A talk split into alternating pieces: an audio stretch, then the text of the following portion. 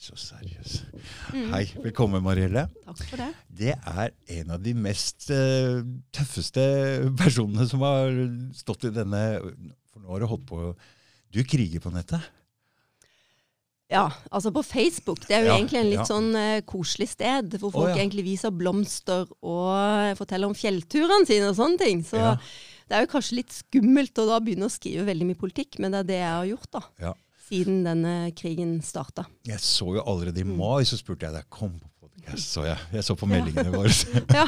Jeg du, du, du har vært med helt eh, fra starten av dette um, kriggreiene her. Ja. For det er det du um, Fortell litt om uh, din politiske sånn, karriere og sånt. Du. Karriere og karriere. Det har jo ikke vært noe sånn uh, Altså, jeg har vært aktivist eh, hele livet, helt siden videregående skole. Ja. Eh, Hvor kommer du har, eh, Jeg, har, jeg er født i Kristiansand og oppvokst i Egersund. Ja. Så jeg gikk på Dalane videregående skole. Ja. Og der ble jeg, ble jeg aktiv i SU. SU, ja. Mm. Så var vi en gjeng der som var veldig opptatt av politikk, og vi prata i pausene og engasjerte oss lokalt da i Egersund. Ja. Så det var der det hele starta. Um, og så ble jeg engasjert i SV uh, etter det. Mm. Og, um, men altså br brøyt med SV i 2011 pga. Ja. av Libya-krigen. Og der, det var litt sånn eh, Og karriere var, vil ikke si jeg har vært aktivist hele tida. Eh, så det har vært egentlig ja, hele livet mitt. Så da gikk du enda lenger ut på eh, kan vi si, ut på venstresida. Ja, da fantes det jo et parti igjen, da. Det fantes jo Rødt, den, som, som var det eneste partiet som sa tydelig nei til eh, å sende bombefly til Libya. For, Ja. hvis vi skal bare gå litt kort innom den, det som skjedde der det, Ja. Sett i etterkant, det var en total katastrofe, hva? De ødela landet Libya totalt. Ja. Og der gikk Norge altså inn ulovlig Ja. og bomba. Mm. Det er vel eh, det Ja. tydeligste tegnet på at noe er gærent i dette landet. Ja, det som er at eh, Det som skjedde under Libya-krigen, eh, var jo at du hadde et totalt endimensjonalt mediebilde. Mm. Så du kan si at eh, jo, befolkninga burde kanskje vært litt mer kritisk til media, men de var jo på en måte en sånn wake-up call for folk som da oppdaga at det, vi kan ikke nødvendigvis stole på det mediebildet når vi er i krig. Nei. Eh, det som vi ble presentert for. Og den gang så ble det jo også da Det var jo nesten ingen stemmer mot Libya-krigen, for det ble et giftig klima hvor du nesten ikke Du ble stempla, og du ble sett veldig rart på ved å være imot den krigen. Mm. Men du, dette, eh, jeg er jo litt eldre enn deg, så jeg Ja. husker jo den første Irak-krigen. Ja. Og der var det omtrent det samme, skjønner du. Ja. Der var, altså Da jeg slo opp i VG på midtsida, så Mm. var det bilde av verdens eh, historiens fem ondeste menn. Ja. Og der var Saddam Hussein i midten. Og jeg tenkte hm, la oss se litt på hva han har gjort her. Ok, Så han gikk inn i Kuwait. Jeg slår opp på kartet. Oi! Mm. Det ser ut som Kuwait har hørt til Irak her. Og så sto det en stat som er gjenoppretta av engelskmenn. Ja, så det er kanskje noe gammelt. Og så var det jo ikke, gikk det bare så fredelig og satte den Og så gikk denne krigen direkte på CNN. Mm. Eh, Så jeg fulgte jo med hele tida. Det, det var den første krigen. Det var direktesendt hele døgnet. Ja. Så han prøvde jo å gi seg hele tida. Ja. Hele tida. Han spurte bare kan jeg få lov å gå opp av skyttergraven og gå hjem. liksom bare for å... Mm. Og de sa bare nei. Og så gikk de inn og drepte mange hundre tusen mennesker. Og jeg tenkte Mm. å, hva skjer her? Mm.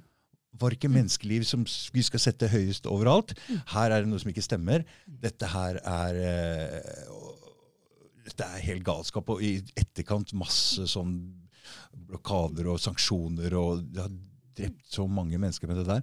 Mm. Så hvis, jeg så det allerede da. Media altså de eh, spiller opp dette her. Og, folk, Mm. og alle jeg prata med, bare 'Ja, han er slem!' Mm. Ja, hva sier du? Ja, ja, ja. barten, og det var, Nei, det var Så, men, men dette Men nå Mm. ja, Hvis du skal hoppe rett til nå Det er eh, Ja. Nei, hoppe tilbake. Det, du, det du sier er nettopp det at vi har hatt en Hitler flere ganger. Nå har vi jo en Hitler igjen, ifølge Ja. Mm, vestlig presse. Mm. Altså Putin er en hit Hitler, ny Hitler. Men vi har hatt Putler. Har vi nå. Ja. Men vi har hatt han før, som du er inne på. ikke sant? Vi har hatt Saddam Hussein. Og vi hadde Milosevic. ja. Mm. Den, den, Og vi har Assad fremdeles ja, i Syria. ja. De har ikke gitt oss med den. ikke sant? Nei, Han er ennå en, en Hitler. Han Ja. brutt, eh, ikke sant? Måten man fremstiller disse lederne som vi til enhver tid eh, da rettferdiggjør enten ha en forferdelig sanksjonspolitikk mot, eller vi går til krig, eller bruker våre midler vi kan Mm. eh, for å oppnå våre vestlige mål, Mm. eh, så er det viktig å stemple fienden som noe som kan rettferdiggjøre disse enormt destruktive metodene Mm. som vi benytter. Og det eh, har vi gjort før.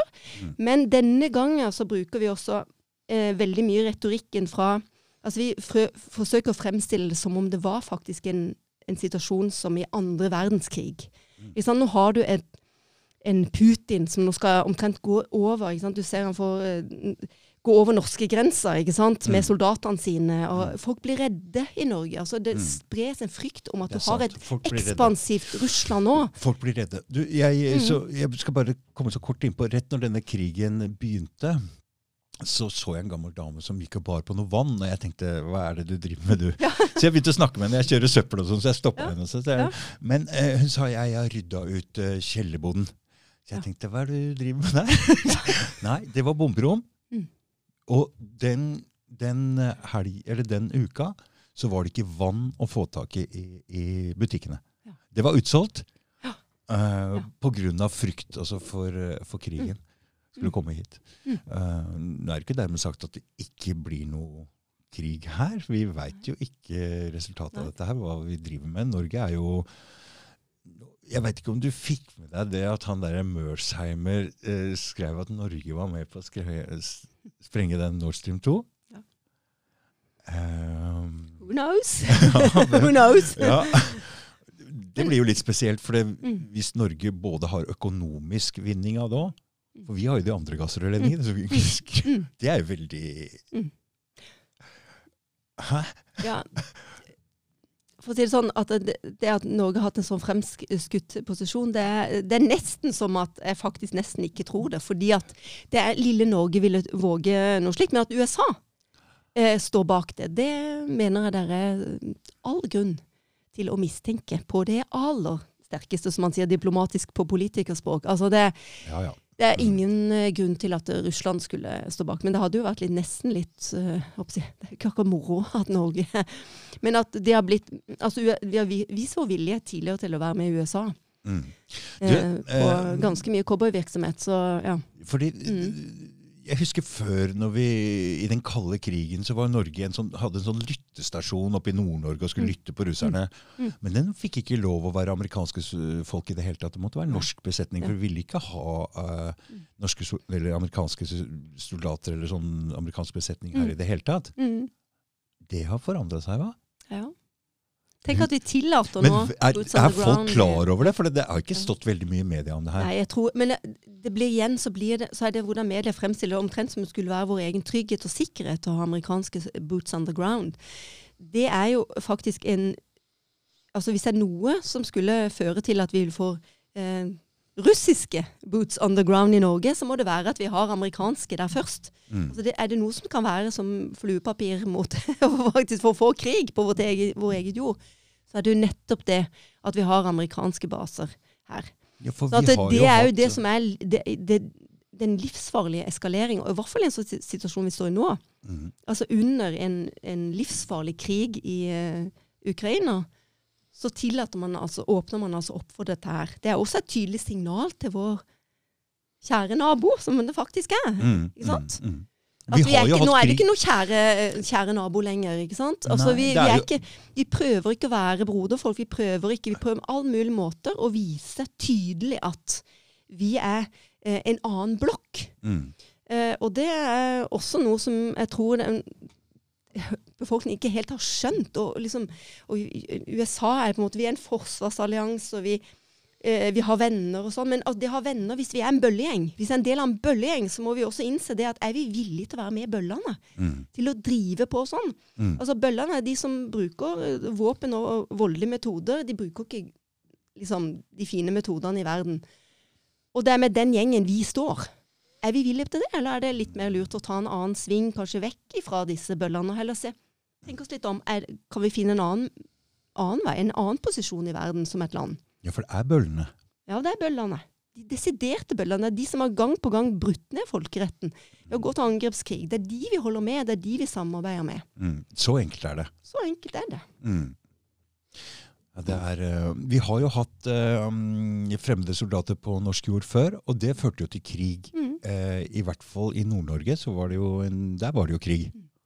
Da hadde vi først noen soldater fra et annet land, og så kom det noen fra et annet land. Da ble det krig. Ja. Uh, og det er jo det samme stedet igjen som kanskje ligger utsatt til. Og, de er- og den befolkninga i Nord-Norge er jo faktisk ganske russervennlige. for de har handel, de har altså det bor eh, Det har alltid vært en del Mm. samrøre der, så det er jo merkelig at det er de som må Mm. Kanskje få svi igjen, eller hva? Nei, altså jeg tror ikke Jeg tror ingenting på en russisk eh, ekspansjonisme inn i vårt område uansett. Det tror jeg faktisk ikke, bare for å legge den ballen litt død. Mm. Fordi det er også noe som brukes i propaganda nå. Mm. For liksom at vi skal ha økt forsvarsbudsjett, kjøpe tyngre våpen eller levere. Sant? Vi må få stansa krigen i Ukraina med massive våpen, sånn at Mm, ikke det, mm. krigen skal spre seg til andre land osv. Eh, det er veldig lite som tyder på at eh, altså Hvis Russland skulle okkupert f.eks. hele Ukraina, så hadde de ikke gått inn med 150 000 mann.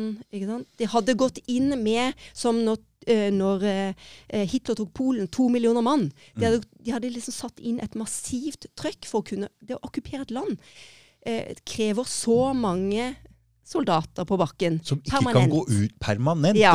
Sånn at uh, det er jo ikke snakk om at uh, liksom den Og det er helt utrolig. Men i Norge i dag så har du altså et militær Hele tida så får vi han der eh, Finn Hågen Karlsen og sånn på TV-en, og vi militære eksperter. At ikke de går tydeligere inn og forteller det norske folk det. At nei, hadde Russland hatt som målsetting å okkupere hele Ukraina, så hadde de faktisk mobilisert en helt annen styrke Mm. Og brukt Og en helt annen taktikk. og en helt annen taktikk. Mm. Så det er ingenting som tyder på det. Nei. Det, det som Nå du står de sier i 20 av Ukraina, og det er ca. tilsvarende i forhold til hvis du ser på antall soldater de satte inn i utgangspunktet. Mm. Ja, da klarer de å holde det området der. Ja, og det området er jo også besatt av russervennlige mennesker, så du vil ikke få problemer eh, på den måten som når du besetter et annet land som hele Ja. tida vil lage motstand. Så da, det, det er som du sier, mm. da må du ha permanent besetning. Altså det, Ja. det koster altfor mye for et land. Ja, det gjør det.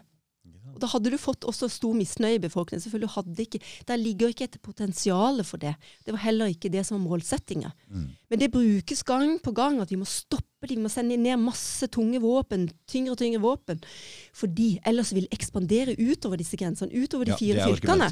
Istedenfor at de Nå prøver de bare å holde det. Og man? De holder, holder fortet. De, Mm. de skal holde de fire fylkene. Mm. Og da vil de stå imot. Men hvorfor ikke begynne da en fredsforhandling, hvis de ender opp sånn uansett? Mm. Med 20 av Ukraina. Mm. Og at eh, hvis, hvis det er sånn at Ukraina gjen, har som målsetting å gjenerobre disse fire fylkene, i tillegg til Krim, eh, da kan vi få se for oss en ekstrem langvarig krig, hvor skyttergravene kommer til å stå omtrent på samme sted i hvil. Mm. Men det kommer til å være en stor kjøttkvern. Ikke sant? Det er soldater, det er unge Mm. menn. Mm. En hel generasjon unge menn, fra Mm. Ukrainas side i hvert fall. Og Mm. eh, unge menn, unge russere og ukrainere som kommer til å dø. Helt nyttesløs, helt meningsløs krig. Mm. Akkurat som første verdenskrig. Mm, mm. Ja, nei, det er eh, De grensene kommer ikke til å forandre seg noe særlig nå. Det er, de kommer til å holde den stellen der, og Krim. De Ja, altså, det var interessant nå å uh, le Jeg leste en sånn eh, en eh, rapport som eh, Rand Corporation Ja. Det er Pentagon sitt eget eh, liksom, ja. propagandaorgan som, som ga ut. da. Og der er det tydelig Det er veldig sånn klinisk rapport. Hva tjener amerikanske interesser på kort og på lang sikt? Mm. Og innunder inn under disse så inngår de ukrainske interessene. Altså bare underordna de amerikanske, selvfølgelig. Mm. Eh, og i det kliniske regnestykket, kost-nytte-regnestykket, som da gjøres opp eh, i den rapporten, så konkluderer de, det er liksom mellom linjene, at det, det mer, mest tenkelige scenarioet her er at de, grensene vil ende opp ca. akkurat som de var i desember 2022. Mm. Det vil si med disse fire fylkene, da. Mm. Mm. Ja. Som en del av Russland. Så det, de kan ikke på en måte si det rett ut, for det gjør de jo selvfølgelig ikke som en del av Pentagon. Men det, det liksom de forskerne som da har skrevet den rapporten, har på en måte de sier det liksom litt mellom linjene der at eh, Hvorfor nesten ikke bare? Altså Konklusjonen når jeg leser, blir på en måte det siver ut etter store spørsmål. Hvorfor ikke bare nå sette seg ned med et forhandlingsbord med en gang? Mm. Hva er vitsen å ha to år til, tre år til, med kontinuerlig krig og masseslakt? Og så vil det ende på samme punkt. Samme hvor mye våpen vi sender inn, så kommer Russland bare til å sende De kommer til å bare mobilisere flere inn i kjøttkverna fra sin side. Mm. Hva er vitsen? Hva er poenget? Ja, hva er poenget? Så hvis vi skal gå litt inn i det, så ser jeg det at det er jo mange land nå som sitter med gamle våpenlagre. Mm, ja. Og de blir borte oppi der. ja, de blir borte. Men da, da er det jo det at de setter i gang stor ny våpenproduksjon, så de får nye våpen. Mm.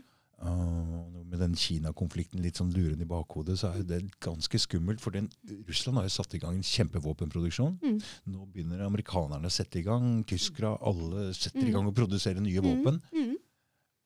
Men våpenproduksjon, det, det er jo litt skummelt, er det ikke? For det er jo noe man bruker i krig. ikke sant? Jo, det er veldig greit å få tømt de gamle lagrene nå. Det er det ser. Gamle rustne, eh, liksom halvdårlige lagrene og sånn. for og så la skal de unge guttene stå der og liksom Ja, ja, ja. eh, og slåss med dårlig Ikke sant? Sånn.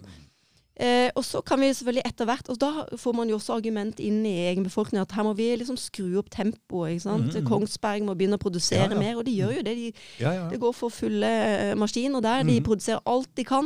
Og sånn er det i hele Europa. Man skrur opp produksjonen.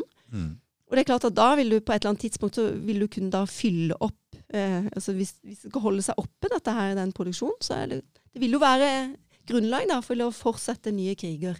Hvis denne krigen også da tar det, slutt. det er det jeg ser. Det her er ikke Og det, vi kan ikke nødvendigvis forvente at den blir den siste. Eh, hvis, altså hvis det kommer en fredsløsning også. Nei. Når du ser den aggresjonen og den villigheten som denne gangen også befolkningen har stilt seg bak. Altså Vi er blitt helt totalt hjernevaska, vil jeg si, mm. og indoktrinert Mm. eh, fra medias side. Og politikerne, militære, samla. Eh,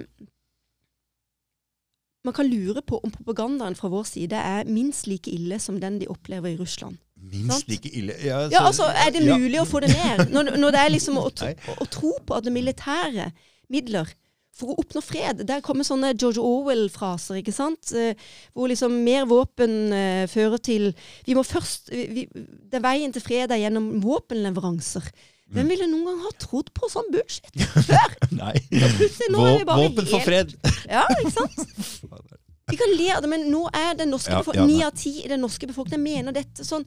Så hvordan skal vi i det hele tatt få, nå inn med et annet budskap?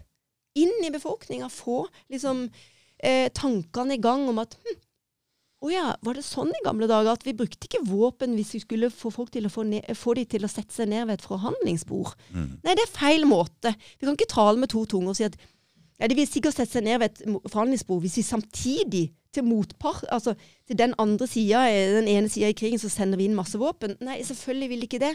Hvis Norge vil være en fredsnasjon, hvis vi vil være der og, og liksom Ja, for det har vi Eh, vært. Det har vi vært. Ja, vi har vært det, og så dekke freds... Ikke sant? Vi vil dekke bordet for fredsforhandlinger. Ja. Ja, men da må vi rydde vekk. Det nytt. ikke å bare liksom, eh, liksom ikke snakke om disse våpnene. Vi må faktisk rydde vekk det fredsbordet. Vi må la være. Vi må kutte ut og sende ut våpen, for å si det rett ut. For Norge har forandra seg totalt, hva? Ja, vi har det.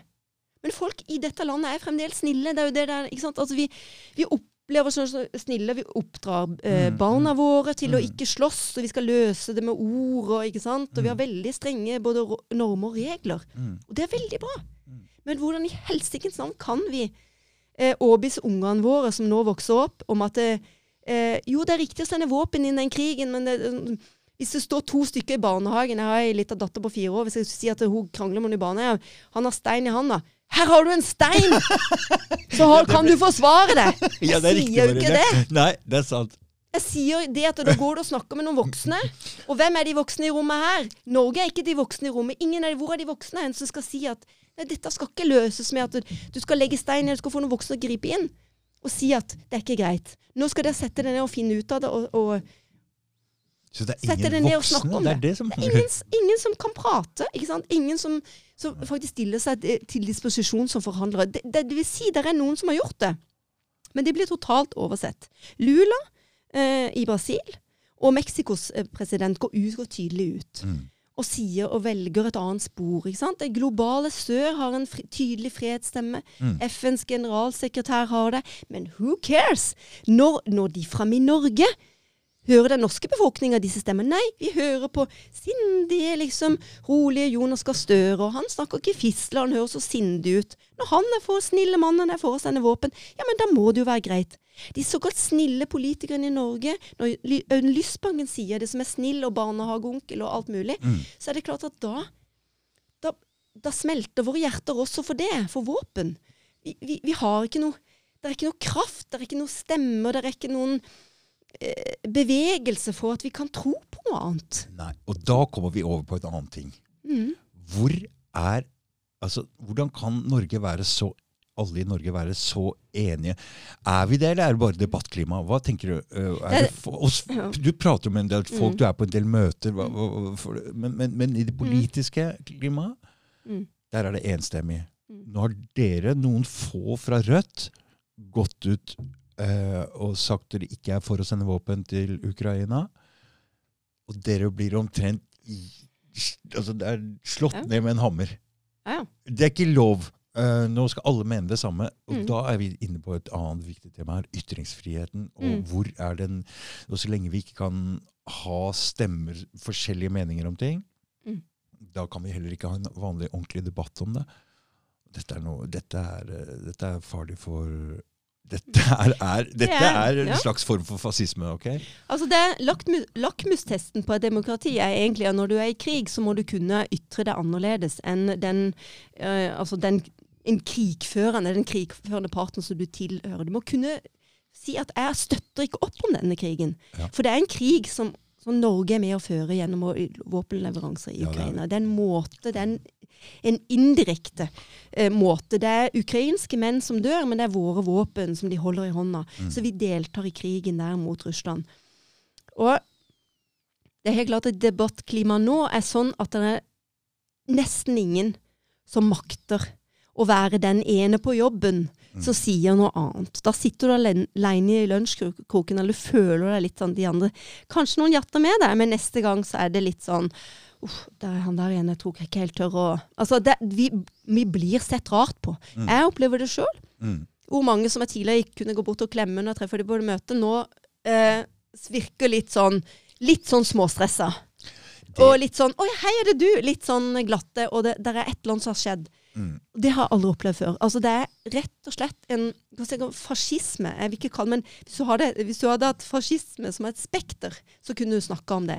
Men jeg ville ikke bruke det ordet fordi at hvis du bruker det ordet, så som eh, feil- Nei, det blir akkurat som det samme som man gjør når man sier eh, putler og sånn. Ja, jeg det vet det, det men jeg googla det, skjønner du. Det betyr Ja. at alle skal stå sammen, og sammen er vi Ja, sterke. og, og vi kan bare ha én mening. Det var det, det- det egentlig var når jeg tok slo Ja. det opp i, i, Sånn ord, det- det- ordboka. Det er hvis man sier at Russland er gått i fascistisk retning, eller nærmer seg en fascistisk samfunn, så må man i hvert fall stille spørsmålstegn på vår side også. Mm. For når menings- og ytringsklima er så lite at Mm, uh, for andre fre for bare et fredsstemme Ja. At det er blitt tabu Mm. å gå og velge, altså mene at partene må sitte ved et forhandlingsbord, at de ikke skal sende våpen, at det er blitt så kontroversielt at folk ikke vil hilse på det lenger. Ja vel, da må vi faktisk begynne å også være villige til å diskutere om vi også har den typen Vi i hvert fall er ganske sammenlignbare med det vi eventuelt definerer Russland som. Mm. Så må vi i hvert fall se oss at det er speilet på oss sjøl. Du veit, Noen av oss har jo vært igjennom det der. Ok, så hvis Jeg begynte å prate om den første Irak-krigen, at det var Mm. allerede massiv propaganda den gangen. Og, men hvis vi beveger oss sånn kjapt fram nå til når covid begynte, så var det jo noen av oss som prata ut om det også. Og dette var så tabu eh, på førsten at det har splitta familier. Folk hilser ikke på hverandre. Vi har mista venner. Og da begynner jeg å lure på hvordan kan folk identifisere seg så mye med en sak at det går inn på det, det helt personlige, at du ikke vil være venn med en fordi han har en annen mening? Dette her er eh, Jeg, jeg fatter ikke. Så uh... Det er også noe, eh, en spesiell ting. altså I Norge så er vi veldig autoritetstro. Mm, Så du kan si at det slår ut enten det vil være covid, eller det slår inn i forhold til når vi går til krig. mm, Altså vi, er, vi har en mindre grad av at vi våger å gå ut av rekkene og tenke selvstendig. Eh, og hvis vi gjør det, så er vi veldig Altså, vi frykter veldig mye. Vi er et lite samfunn. Ja, Men vi må Og- ha flere stemmer. Ja. Vi må ha rom Ja. for det. Ja, vi må det. Om det gjelder covid, om det gjelder krigen her, om det gjelder alle ting, så må vi ha et spekter av stemmer, og så må vi kunne snakke ordentlig om det. Mm. Mm. Hva har vi da, Ja, hvis vi ikke har det? Nei. Men du Marielle, Mm, du gikk mm. ut av Rødt. Ja, altså, jeg, eh, for, for meg var det rett og slett en eh, Det er veldig trist å si det, men jeg har eh, Ja, jeg gikk ut av SV i 2011, og nå har jeg vært tolv år med i Rødt. Ja. Og jeg tenkte i det lengste at jeg skulle holde ut til landsmøtet. Ja. Eh, men de to kommet, eller de to eneste forslagene som er kommet fra Rødt mm. siden denne krigen starta, har vært så destruktive. Og de har kommet nå helt den siste tida. Eh, og jeg kan gjerne si litt om de forslagene som er kommet mm. eh, fra Bjørnar, altså i, eh, partileder i Som lanserte dette da gikk ut i og sendte pressemelding og i Klassekampen. og ønska da å etablere et spesialtribunal eh, for eh, aggresjonsforbrytelser mot Ukraina. Og han eh, snakka også og sammenligna dette med Nürnberg-domstolene. Mm. Oppgjøret etter andre Ja. verdenskrig. Sånn at linken han både skapte i det offentlige rom, pluss at eh, han så på Putin og Russland og det, de forbrytelsene som nå er begått, krigsforbrytelsene, eh, som det aller verste, og mye verre enn hva vi noen gang har gjort. Altså Norge vært med på USA osv. I en helt særlig kategori. Eh, og, eh, og gikk i front i, på Stortinget. Som liksom, nå skulle Rødt virkelig gå i front, og fikk, de andre, fikk liksom applaus av de andre partiene. Nå er Rødt innafor i varmen. Eh, det var en, sikkert en veldig deilig følelse å være for Rødt ikke sant? i dette klimaet vi Mm. ja, er i dag. ja, ja, ja, kjempebra. Nå er Rødt inne i varmen. Men det forslaget der, Mm. Hvordan blir det oppfatta? I, altså I den grad det får en oppslutning eh, altså Nå snakker jeg i Vesten, ikke internasjonalt, for det kommer det aldri til å få. Men i Vesten, i Europa, for et spesialtribunal mot Putin. Hvordan blir det oppfatta i Russland, tror vi? Det er ytterligere krigserklæringer. Altså, den ytterlige fiendtlighet mot de. Mm. For å karakterisere det at det de gjør nå, er mye verre enn det vi noen gang har gjort. Og da blir de nettopp på det sporet der med at de sier dette er hykleri. Vi vet hva dere har gjort før. Hva med Irak? Hva med Libya? Hva Mm, med mm. Jugoslavia? Mm. Hva har dere gjort? Vi kjenner historien, vi. Mm. Så bare ikke kom her. Ikke kom her og kom her og snakk om folkerett. Og sånn. Det, det er rett og slett Det er mer, det er mer samlende for eh, eh, befolkninga til å understøtte Putin. Og eh, hans sine menn, for å si det sånn, i forhold til krigsviljen inn eh, i Ukraina Mm. enn det er det motsatte. Så det er det motsatte av fred man oppnår gjennom å i denne fasen av en midt i en krig Mm. gå inn for en spesial Ikke i etterkant ja. eller et eller annet sånt, som om nei. øh, man da Mm. kunne snakke om. Eller f.eks. å sette det i sammenheng med at ja, et tribunal for alle samtidig. Ikke et Mm. spesialtribunal bare som er mynta på Putin og hans sine folk, Mm. men som faktisk er mynta også på de nålevende. Altså hvorfor ikke ta Jens Stoltenberg, da, som eh, sto i front i Libya-krigen for Norges del, Mm. eh, som nå er sjef for Nato. Jo, han burde jo definitivt ha blitt kalt inn på teppet. Mm. Um, hva med Bush? Eh, Hva med Tony Blair? Mm. Eh, ikke sant? Altså De der eh, eplekjekke som sitter ennå, og de er nålevende, de kan også bringe inn på det, i det samme tribunal. Mm. Da kunne man vise for hele verden at man er konsekvente. Mm. Da er det helt annet. Mm. Da kan man gjerne Helt greit. Da kunne vi jo Eh, da er det. helt greit å få Putin og alle Ja, ja, ja. banditter? Ja, bandittene sånn. Mm. Men å bare ta én av de, Mm. fordi det er motsatt gjeng Vi er på den ene gjengen og sier at den andre gjengen der har gjort noe, så skal vi liksom Mm. Mm. Det er rett og slett litt sånn, det er bare banditter som holder på sånn. Det er Mm. ingen som tror på det. Det er ingen internasjonale så sitter de bare og ler av oss. Hvis de Ja. foreslår noe sånt. De, de sånn resten av verden bare sånn Hæ? Vi vil ikke støtte opp om det.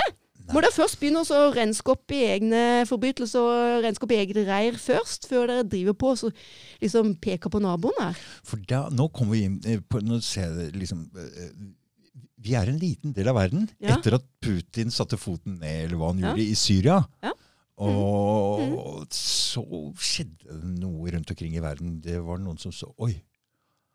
er Russland, kan Russland være en alliert? Går det an? For det, det satte i gang en slags uh, todelt verden.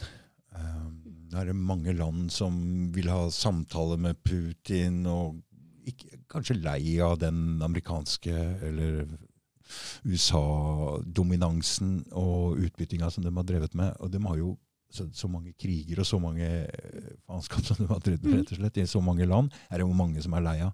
Mm. Eh, Jeg kjenner jo noen pakistanere, og med en gang han eh, presidenten, eller sjef presidenten Mm. i Russland var og besøkte Putin, Mm. så ble det, ble det kupp. Ja, ikke sant? Militærkupp. Og det er masse demonstrasjoner i Pakistan mot det der. Mm. Og der tok militæret over. Så det foregår en kamp i mange, mange land. Uh, og jeg tror faktisk vi som er Vesten, eller hva vi skal si, Mm, mm, er i mindretall her. Ja, selvfølgelig er jeg i mindretall. Så det er absolutt absolutte mindretall. Så det er 85% og vi er 15. ikke sant? Vi sitter Ja. som et knøttlite mindretall i verden. Mm. Og vi snakker alltid på vegne av verden. Er. Eh, vi, vi tror at vi er verden, og vi vet alltid mye bedre. Det er derfor vi går til krig, og Ja. pga. menneskeretter, kvinnerettigheter, alt mulig vi kan finne begrunnelser. Ja. Mm. For de er mye dummere, de vet, vi vet bedre, og vi har skjønt ting. Det, er det litt de sånn er det, så... Ja, ovenfra ned. Vi gir de uhjelp, vi, og vi kan trekke det tilbake. Vi er det en form for rasisme, Selvfølgelig er det det. Det er ren rasisme. Ja. Rasismen lever i beste velgående Ja. i denne verden. Ja. Og det er en del av det, hvis du skal snakke om en, en slags eh, fascisme her i verden, altså en slags over... Så er det på grensa til det å se på seg sjøl som et herrefolk. Mm. Det er en del av det. ikke sant? Mm, Altså mm, mm. Nazismen, da snakker jeg om naz altså, Jeg vil ikke kalle at vi er naz Jeg vil ikke si at vi er nazister. ikke sant? Vi er ikke det. Vi er ikke fascister. Men det er noe med den rasismen, den å se ned på andre. Mm. Hvordan vi har tillatt oss å utbytte andre deler av verden for å berike oss sjøl gjennom århundre på århundre. Og disse minnene ligger dypt ned i folkesjela. Det er oldemødres, oldemødres eh, historier som har gått gjennom generasjoner, og de lever ennå. Livsbetingelsene til vanlige folk Mm. er ennå prega av de århundrer på århundrer med vår utbytting, og som gjorde at vi klarte å bli så rike som vi er. Og det vet de. Og der har ikke Russland vært involvert. Russland har sine svin på skogen, de, men de har ikke det. De har ikke drevet på med den slavehandelen og det eh, kolonistyret som vi har drevet på i århundrer. Sånn at vi har et mye, mye mer vi har å svare for, og vi har mye mer større jobb å gjøre hvis vi skal komme For du må rydde ditt eget Vi må rydde litt opp i hva vi gjør. Og vi har aldri kommet med noe. Vi driver ennå på derimot å ut Det er et rikt, kjemperikt Altså, afrikansk kontinent er rik på alt. Mm. Hadde de klart å samarbeide seg imellom, noe som Gaddafi bl.a.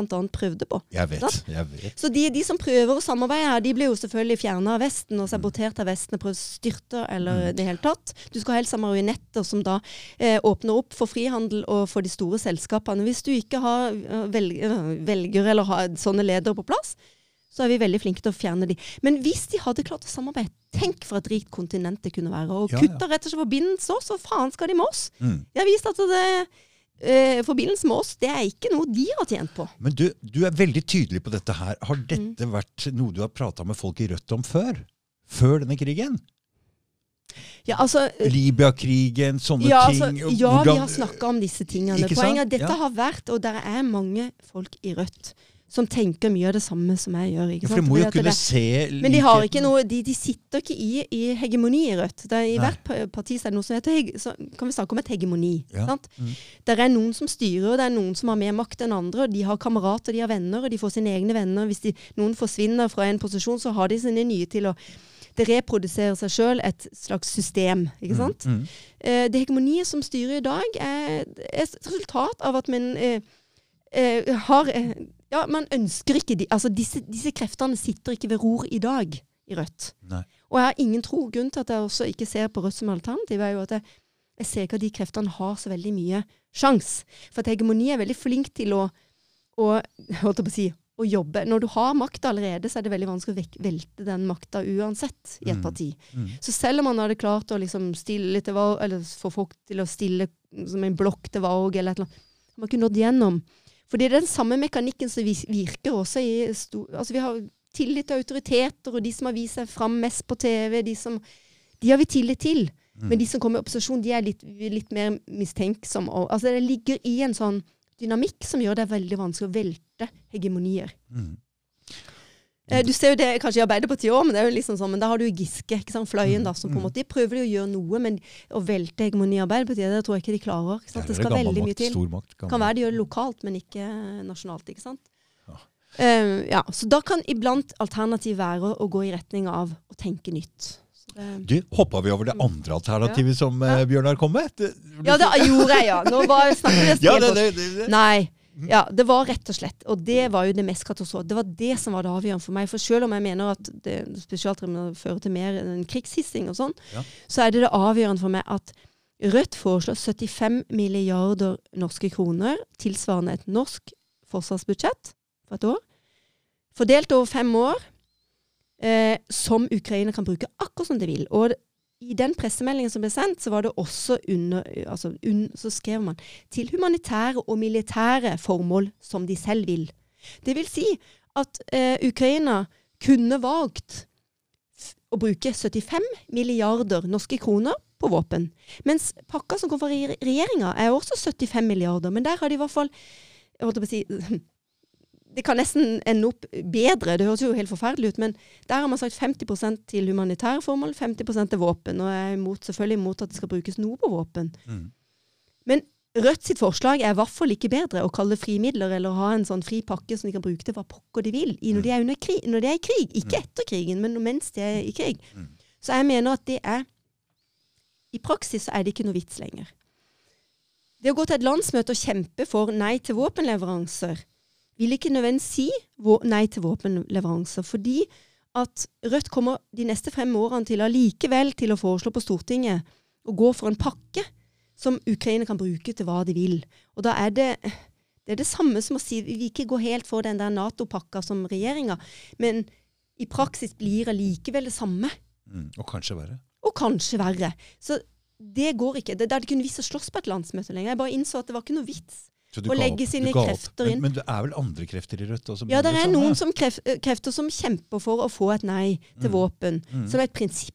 Mm. Og så kan man liksom eh, forsøke da å tvinge Bjørnar til å si noe annet. eller noe sånt. Jeg tror ikke det noe igjennom. Jeg tror ikke hegemoniet kommer til å endre sin måte å få frem fiendtligheten og måten de har jobba, og bare på den aggressive linja og våpenlinja som de har Altså retorikken nå som har kommet fra Rødt sin side, fra Bjørnar sin side, har vært helt, mener jeg eh, det er som å høre Guri Melby og, Jens Stoltenberg. Er- Jonas Gahr Støre er nesten mer moderat enn en eh, Bjørnar Moxnes. Og det, for meg er det OK, jeg kunne leve med det hvis partiet hadde gode standpunkter, og at de faktisk kunne komme med reelt gode forslag, men når de ikke gjør det heller, så er det på en måte ikke noe lenger. Men da begynner Marielle å tenke på øh, Nå vi ha et vi må ha et parti som Ja, da har jeg tenkt i retning av et parti, fordi da dukker den eh, Altså, du kan si at når det står helt ja, Vi lever i et parlamentarsamfunn. Vi er, sant, du kan se at eh, hvis det ikke er noen, noen partier for folk å stemme på, de har ikke et reelt valg, hva gjør folk da? Da setter de seg hjemme i sofaen sin. mm. Jeg har ikke noen å stemme på. det er ja, for et det, stort det er et stort problem å ikke ha et parti å stemme når du er under krig. Mm. Og det kan, denne krigen kan fortsette en Mm. stund. Mm. Hvis ikke det blir avvist av neste krig. Men da er jeg ikke Jeg, jeg stoler ikke på Rødt neste gang. De har svikta denne gangen. Neste gang vil jeg ikke eh, stole på at de vil komme med gode forslag, eller ikke de kaster seg på den retorikken som kommer fra USA og Nato. Men er det så godt for Bjørnar og dem å bli komme inn i varmen? For de fikk jo ganske Ja, men det bra er jo, stemmetall selvfølgelig er det deilig. Å, jeg vet hvor deilig Det vet jo vi også. Når vi er blant venner Ja. føler vi kan slappe av. Slippe å bare være sint. Når vi er på eh, en fest og vi sitter Ja. og bare kan snakke, vi slipper å være i de evige konfliktene. Er vi et sted ja, hvor vi føler hele ja. Selvfølgelig er det deilig. Mm. Og, innenfor. og det er klart at når det gjelder velgermassen i Norge, så mye propaganda vi blir utsatt for, så er det klart at den brorparten av de som er, stemmer Rødt også, Mm. å sende våpen. Så i ren sånn, pragma, altså ren sånn opportunistisk forstand, Mm. så har Rødt mye å tjene på. På kort sikt, kan du si. Mm. Eh, da Så kan man kalkulere, hvis man sitter og kalkulerer, da, hvis man er kynisk i partikon, altså partiledelsen. Mm. Hvis man egentlig er, Det betyr ikke så mye dette er for eller mot våpen, men taktisk sett så kan det være lurt. Eh, nå skal ikke jeg tillegge de meninger de ikke har, eller at, eh, taktikk eller noen ting, men jeg bare sier at det er gode grunner til at når Rødt har rendyrka Forskjells-Norge, det er deres prosjekt. Eh, jeg opplevde jo også at når jeg var nestleder, at det var det var ikke akkurat, ikke sant? Jeg var ikke en del av det Forskjells-Norge-sporet i den tydelige Hva betyr det, Forskjells-Norge? Forskjells-Norge er eh, hoved... Altså kamp mot Forskjells-Norge er hovedperspektivet til Rødt og hovedmålsettinga som de jobber etter. Og du kan si at Hvis du da er veldig opptatt av internasjonale spørsmål som er, og, og kampen mot krig, eh, og mener at det er grunnen av kamp mot imperialisme, den er liksom en grunndrivkraft. At vår del av verden ikke skal være til skade for resten av verden. Vi skal faktisk heller være til liksom bygge opp andre, som vi er på like fot. Mm. Det er målsettinga. Det burde være målsettinga for et parti på venstresida. Mm. Det har det alltid vært historisk. Men det er det, det, det prosjektet som man har rendyrka de siste årene, er Forskjells-Norge, som dreier seg om arbeiderklassen i Norges sine, som jeg ser det, kortsiktige interesser. Altså se Norges arbeiderklasse som en sånn avsondra enhet fra resten av verden, som befinner oss i en boble. Eh, Sånn vi er er det rikeste arbeiderklassen i hele verden, og likevel skal vi sitte her. Og dessuten så er vi avhengige. Den norske arbeiderklassen er ikke sånn. Du ser nå hvilke prisøkninger det er, hvilke øh, strømkriser og alt mulig. Det er ikke bare pga. kabler til utlandet og ditt og datt. Det er også fordi vi ikke får stans på den krigen. Det skjønner alle. Mm. Ja. Ja, Det er helt klart. Men dette, så jeg så du lekte med noen tanker og noen parti Mm. og greier, men har du prata med noen andre folk om det? Altså, jeg, dette her er, dette her er ikke noe Tankefrø! Ja, dette er tankefrø. Fordi jeg skriver også Ny Tid. Ja. Så egentlig Du vil bare lufte tanken? Jeg vil lufte tanken fordi jeg Og se om du får noe respons på det. Jeg har vært, jeg har drevet med politikk hele livet mitt omtrent. Ja. Så det er klart at å være med i et politisk parti har jeg vært hele tida. Mm. Nå har ikke jeg noe parti, og jeg, så blir jeg alltid spurt om jeg har NKP og sånne ting. Men da må jeg bare si at jeg, jeg tror ikke på å komme inn som en Norges kommunistiske parti. Jeg tror ikke, Der ligger det for mange lag på lag av En gammel greie. Ja, det er fordi det heter kommunist. Det er mange grunner til det som jeg, kunne, Ja. som jeg ikke nødvendigvis trenger å gå inn på. Men jeg kan ikke Jeg er sosialist. Jeg ser på meg som revolusjonær sosialist. Ikke sant? Mm, mm. Eh, Jeg, ikke, jeg ser ikke på meg sjøl som Jeg vil ikke definere meg sjøl. Jeg er ikke kommunist. Nei. Ikke sant? Og det har jo også noe med språkbruken i det norske folk, fordi kommunismen har blitt også sverta gjennom at Alle har, disse ordene. Ja, blitt- alle disse ordene. brukt, det, det, alle Ja disse ordene. Poenget er jeg er opptatt mm. av praksis. Mm. Men jeg vil gjerne forandre. Jeg, jeg mener at Norge må inngå som en del av en forandring i, som deltar i verden der ute. Vi kan ikke på en måte være et eget land som bare sitter og liksom skal bare tenke på våre egne. Mm. Eh, ut, altså avsondra Mm. fra resten av verden sin interesse. Og jeg syns det er litt smålig, fordi vi er også Vi har på mange vis eh, en helt annen forutsetning. For vi er en oljeproduserende nasjon og alt mulig. Vi har ikke eh, Sorry, men vi, vi har en del å eh, og vi, vi, vi bør i hvert fall se ut i verden når vi samarbeider, Mm. og ikke sitte i vårt lille eh, Norge og bare snakke om og hyle om at vi har strømkris og ditt og datt og pris, høye strømpriser og høye priser for oss. Vi må i hvert fall breie det ut og se det i en større sammenheng, for det her henger sammen med alt. Det henger sammen med en større verden, og særlig det som jeg sa med krig. Du, nå hadde jeg inn en annen politiker her for eh. Ja. bare 14 dager siden, og hun har jo gått ut av MDG. Mm. Og jeg ser jo at dere har en del, og hun er også Ja. inne på Hun, ville ikke, hun sa jeg, jeg tror politisk parti er dødt, men hun prøver Mm. å starte en ny en eller annen bevegelse. Ja. Med stemmesedler. Men, men Ja. så etter, Jeg ringte henne før du kom. Jeg sa Ja. du, nå skal du høre. Jeg har en veldig interessant dame til deg her. Så du, etterpå jeg skal gi deg nummeret hennes, så, så Mm. Ja. må du ringe henne, så kanskje dere kan finne i hvert fall, Jeg tror dere trenger å prate sammen, i hvert fall, for dere er litt på samme greie. Og jeg tror det er mange som sitter, selv om man liksom eh, man sitter og ser på dette, om en del vi blir utsatt for propaganda, så tror jeg det er mange som opplever nå at Ja, nei, hva er det for en galskap? Ja, nei, Hva ja, er det er mange. for noe Det er veldig mange. Jeg tror ikke det. Jeg tror ikke det er så enkelt. Nei, Men folk er er litt alene og føler seg ikke som de har noe alternativ. nei, nei, det er mange, skjønner du. Fordi Mm. uh, Hvis du ser på USA nå, så er det halvparten av folka der tror ikke på media lenger. nei. Så Derfor det popper opp Mm. masse sånne alternativer. Og det var en av grunnene til at jeg også begynte å være med. Nå, nå er det så mye altså, Vi blir så enspora på mange, mange mange ting, så det er feil. Vi må få balansert det her.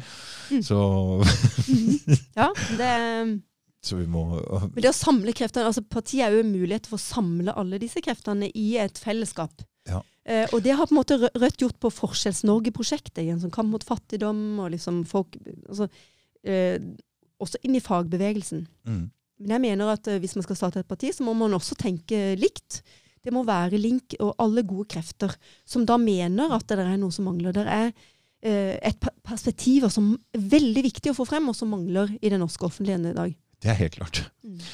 Men det, men det, men det Som ikke når fram til noe altså Som ikke har noen stemme. Som ikke Fordi at det er såpass uh, Ja. Det er, og det er veldig kaldt å stå alene.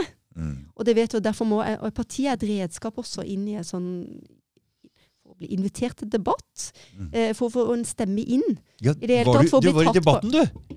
Ja, jeg var i debatten, og det var, det var jo nesten litt merkelig å bli kontakta og kunne Ja, få lov til å delta der. For det har jo vært helt umulig et år å liksom komme egentlig inn. ja, ja. Og det har ikke, de har jo ikke invitert noen, det er jo bare de samme folka, og det er veldig sånn Mm. Jeg har ikke Eh, sett det. Hvordan var det?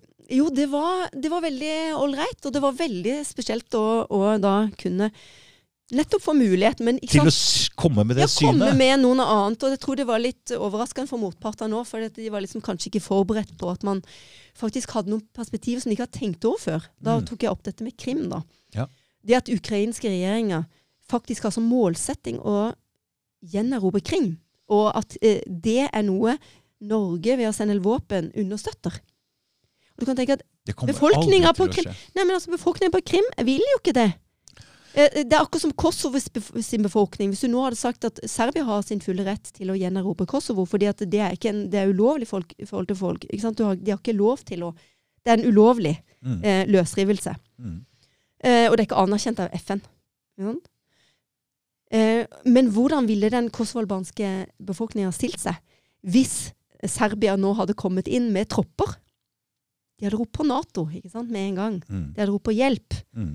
De ville ikke bli en del av Serbia igjen. Og hvis det var sånn at den eh, eh, befolkningen på Krim hadde fått eh, feeling at nå kommer vi til å bli gjenerobra av Ukraina, sto i fare for det, Mm. så har de gjort alt de kan for å rope på Russland. ikke sant? Mm. Russland, sett inn større styrker, vær så snill, hjelp oss. Mm. Vi skal ikke bli en del, de vil i hvert fall ikke bli en del av Ukraina. ikke sant? Befolkninga der er russere. Men så er det jo en annen ting at Svartehavsflåten Svartehavsflåten Ja, til Svarte- Russland ligger og der, og og de Russland kommer kommer aldri til å Nei, gi opp. Det sånn at For Russland sin del så kommer de aldri til å gi opp Svartehavet. Det er jo tilgang til Svartehavet. Det kommer de aldri til å gi opp. nei, nei. Og skulle også skulle, hva, har, hva har USA der å gjøre? Hvorfor skal USA ha kontroll over Svartehavet? Mm. Hvordan kan vi godta altså, kan si du kan også stille spørsmålstegn ved Russland. Hvorfor skal de ha kontroll med Men det er tross alt bitte litt nærmere i hvert fall enn for USA.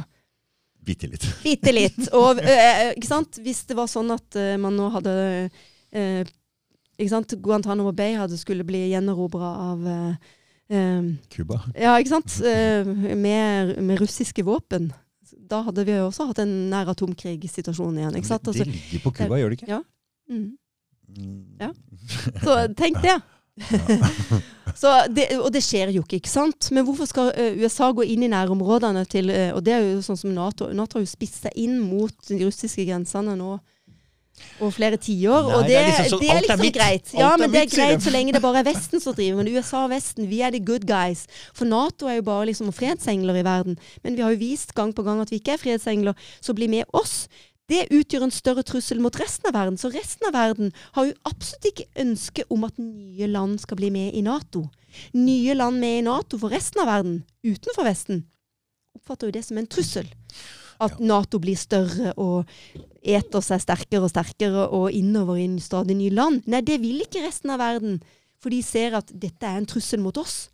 Da blir det enda sterkere Nato som står opp mot oss. Det er en større trussel neste gang de vender geværkolbene mot oss. Men eh, USA etter annen verdenskrig har drevet på litt. Det er en Mm. lang liste med land som mm. ja. der er, De har skaffa seg utrolig mange fiender Mm. på denne Mm. tida. De har det. Og da Disse Mm. er jo drittleie av eh, Mm. dette her. Ja, hadde det jo vært en rettferdig verdensorden, så hadde jo USA selvfølgelig og der hadde folk, eh, Hvis det hadde vært noe, skulle være noen rettergang, da, så hadde jo de blitt stilt for retten. og det hadde jo ikke vært altså, Men det er jo den ekstreme militærmakta. Derfor Det er det jo utrolig, viktig for, for ja. Vi tenker på folk som bor i USA, er jo ikke Ja. interessert i dette. Nei, det er jo ikke det. Det er jo ikke interessant til vanlige folk. Det er det ikke noen steder. Så hva er det slags Mm. gærne folk som styrer her? Nei, altså verden er jo nødt til å gå i en annen retning. Ja. Altså skal vi over det, Nå ser vi jo det at vi, når atommakter står mot hverandre i Ukraina, Mm. så ser vi jo at eh, kanskje dette kan bli en lærdom, da. Nå skal vi begynne å ruste ned. Nå skal vi begynne å kreve av vår egen blokk. For det er her vi kan påvirke. Vi kan ikke stå og kjefte på Russland, for de hører ikke på oss. Jeg kan ikke snakke om Putin eller si at han er slem eller han er et eller annet, for han hører ikke på meg. Men vi, vi, som bor i Norge, må kjefte på våre egne og si at nå må dere fage meg heller ruste ned. Hvorfor ikke bli som Costa Rica, da? Hvorfor ikke gå foran som et godt eksempel i verden? Legge ned. Bygge ned Forsvaret. Har de bygd ned? Ja, De har lagt ned Forsvaret sitt. De bruker, så, bruker det på, heller på helse og på skole og på det. det er, ikke sant? Ja. Eh, løse sine egne fattigdomsproblemer. Vi kunne ha brukt eh, Vi kunne gått foran. Først at Norge er et rikt land. Vi har råd til å sløse 75 milliarder i året vi, på forsvarsutgifter. Mm. Men hvorfor ikke gå foran, som et godt eksempel i en så livsfarlig verden som vi lever i i dag, og si at vi går foran og gjør det motsatte. Vi bygger ned. Vi trapper ned. Vi bygger ned vårt militære, enorme, idiotiske eh, såkalte forsvarsverk, som egentlig er et angrepsverk mot andre. Altså, Hvorfor skal vi bruke pengene på det? Sjansen, hadde du tatt sjansen på det? Meldt deg ut av Nato? Bygget ja. ned Forsvaret?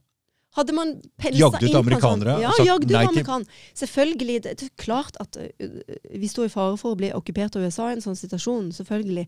Altså, jeg skjønner jo realpolitikken i dette, at det er mhm. fryktelig. De er mer, mer redd for enn uh, Russland er jo faktisk USA. For Norge har jo sånn en veldig strategisk kyst. Det har jo ja, vist seg før. Sånn vi har jo vært nøytrale første Jeg er mer redd for at vi er blitt okkupert. Men det å signalisere overfor verden, iallfall ja. si at USA hadde sikkert før, uh, gjennomført men, men, et statskupp i Norge hvis ja. det var blitt valgt inn noen som hadde kommet med den type ideer. Ja. Ikke sant? Ja. Hvis vi hadde fått et nytt parti, og det hadde kommet til makta i Norge, og man hadde, så hadde man sikkert blitt forsøkt velta USA uansett. Velta, ja. Mm. Eh, Innifra, ikke sant? Ja, ikke sant? på mm. ulike vis. Og, men, men og de okkupasjon hadde de ikke kunnet gjort. Uh, de, kan, de, hadde ikke gått inn og kunnet okkupert landet her med soldater. Det hadde de ikke kunnet gjort åpent. Ja? Det hadde sett veldig rart ut. Selvfølgelig har de gjort det, men de har, hva, USA ville ha gjort i en sånn situasjon, det tør jeg ikke spå. Men Nei. det som vi alltid må tenke, er at solidariteten og historien Folk rundt hadde ikke akseptert det. Altså Landene rundt Norge Hadde, hadde Sverige stått og sett på det? Hadde Finland akseptert det? Hadde andre land i Europa akseptert det hvis USA hadde okkupert Norge i en sånn situasjon? ikke sant? Nei, jeg tror ikke på så det er, med, så, det er noe med Skjønner du at det, det er noe med å gå en fredens vei. Mm. Det kan man aldri anklage noen for. For hvis man begynner å anklage for, noen for det, ved å okkupere og ved å forsøke på alle mm, mulige mm. så vil det også bli tydelig for de som står og ser på. Mm. Og de vitnene av andre mennesker som, som bevitner en sånn type scenario, vil jo føre til at sympatien vil vende seg mot oss, og en bevegelse blir sterkere for å reise en fredsbevegelse som vil spre seg til andre land. Det er i hvert fall en helt ny tanke, Marielle. Mm. Ja, men den er viktig å holde fast på. Fordi man må tenke metode. Jeg er ikke pasifist.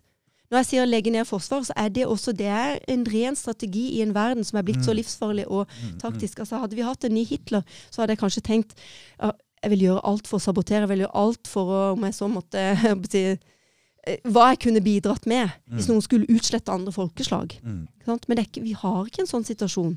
Og vi må, kan ikke lage en verden og bygge en verden ut ifra det. Vi kan ikke bygge opp et forsvar med at tenk hvis det kommer en ny Hitler.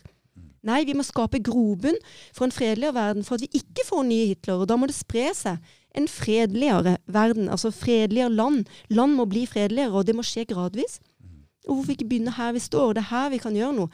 Jeg kan ikke gjøre noe med å kjefte på andre. Jeg kan begynne å gjøre noe sjøl. For det Mange land bruker veldig mye penger på våpen her.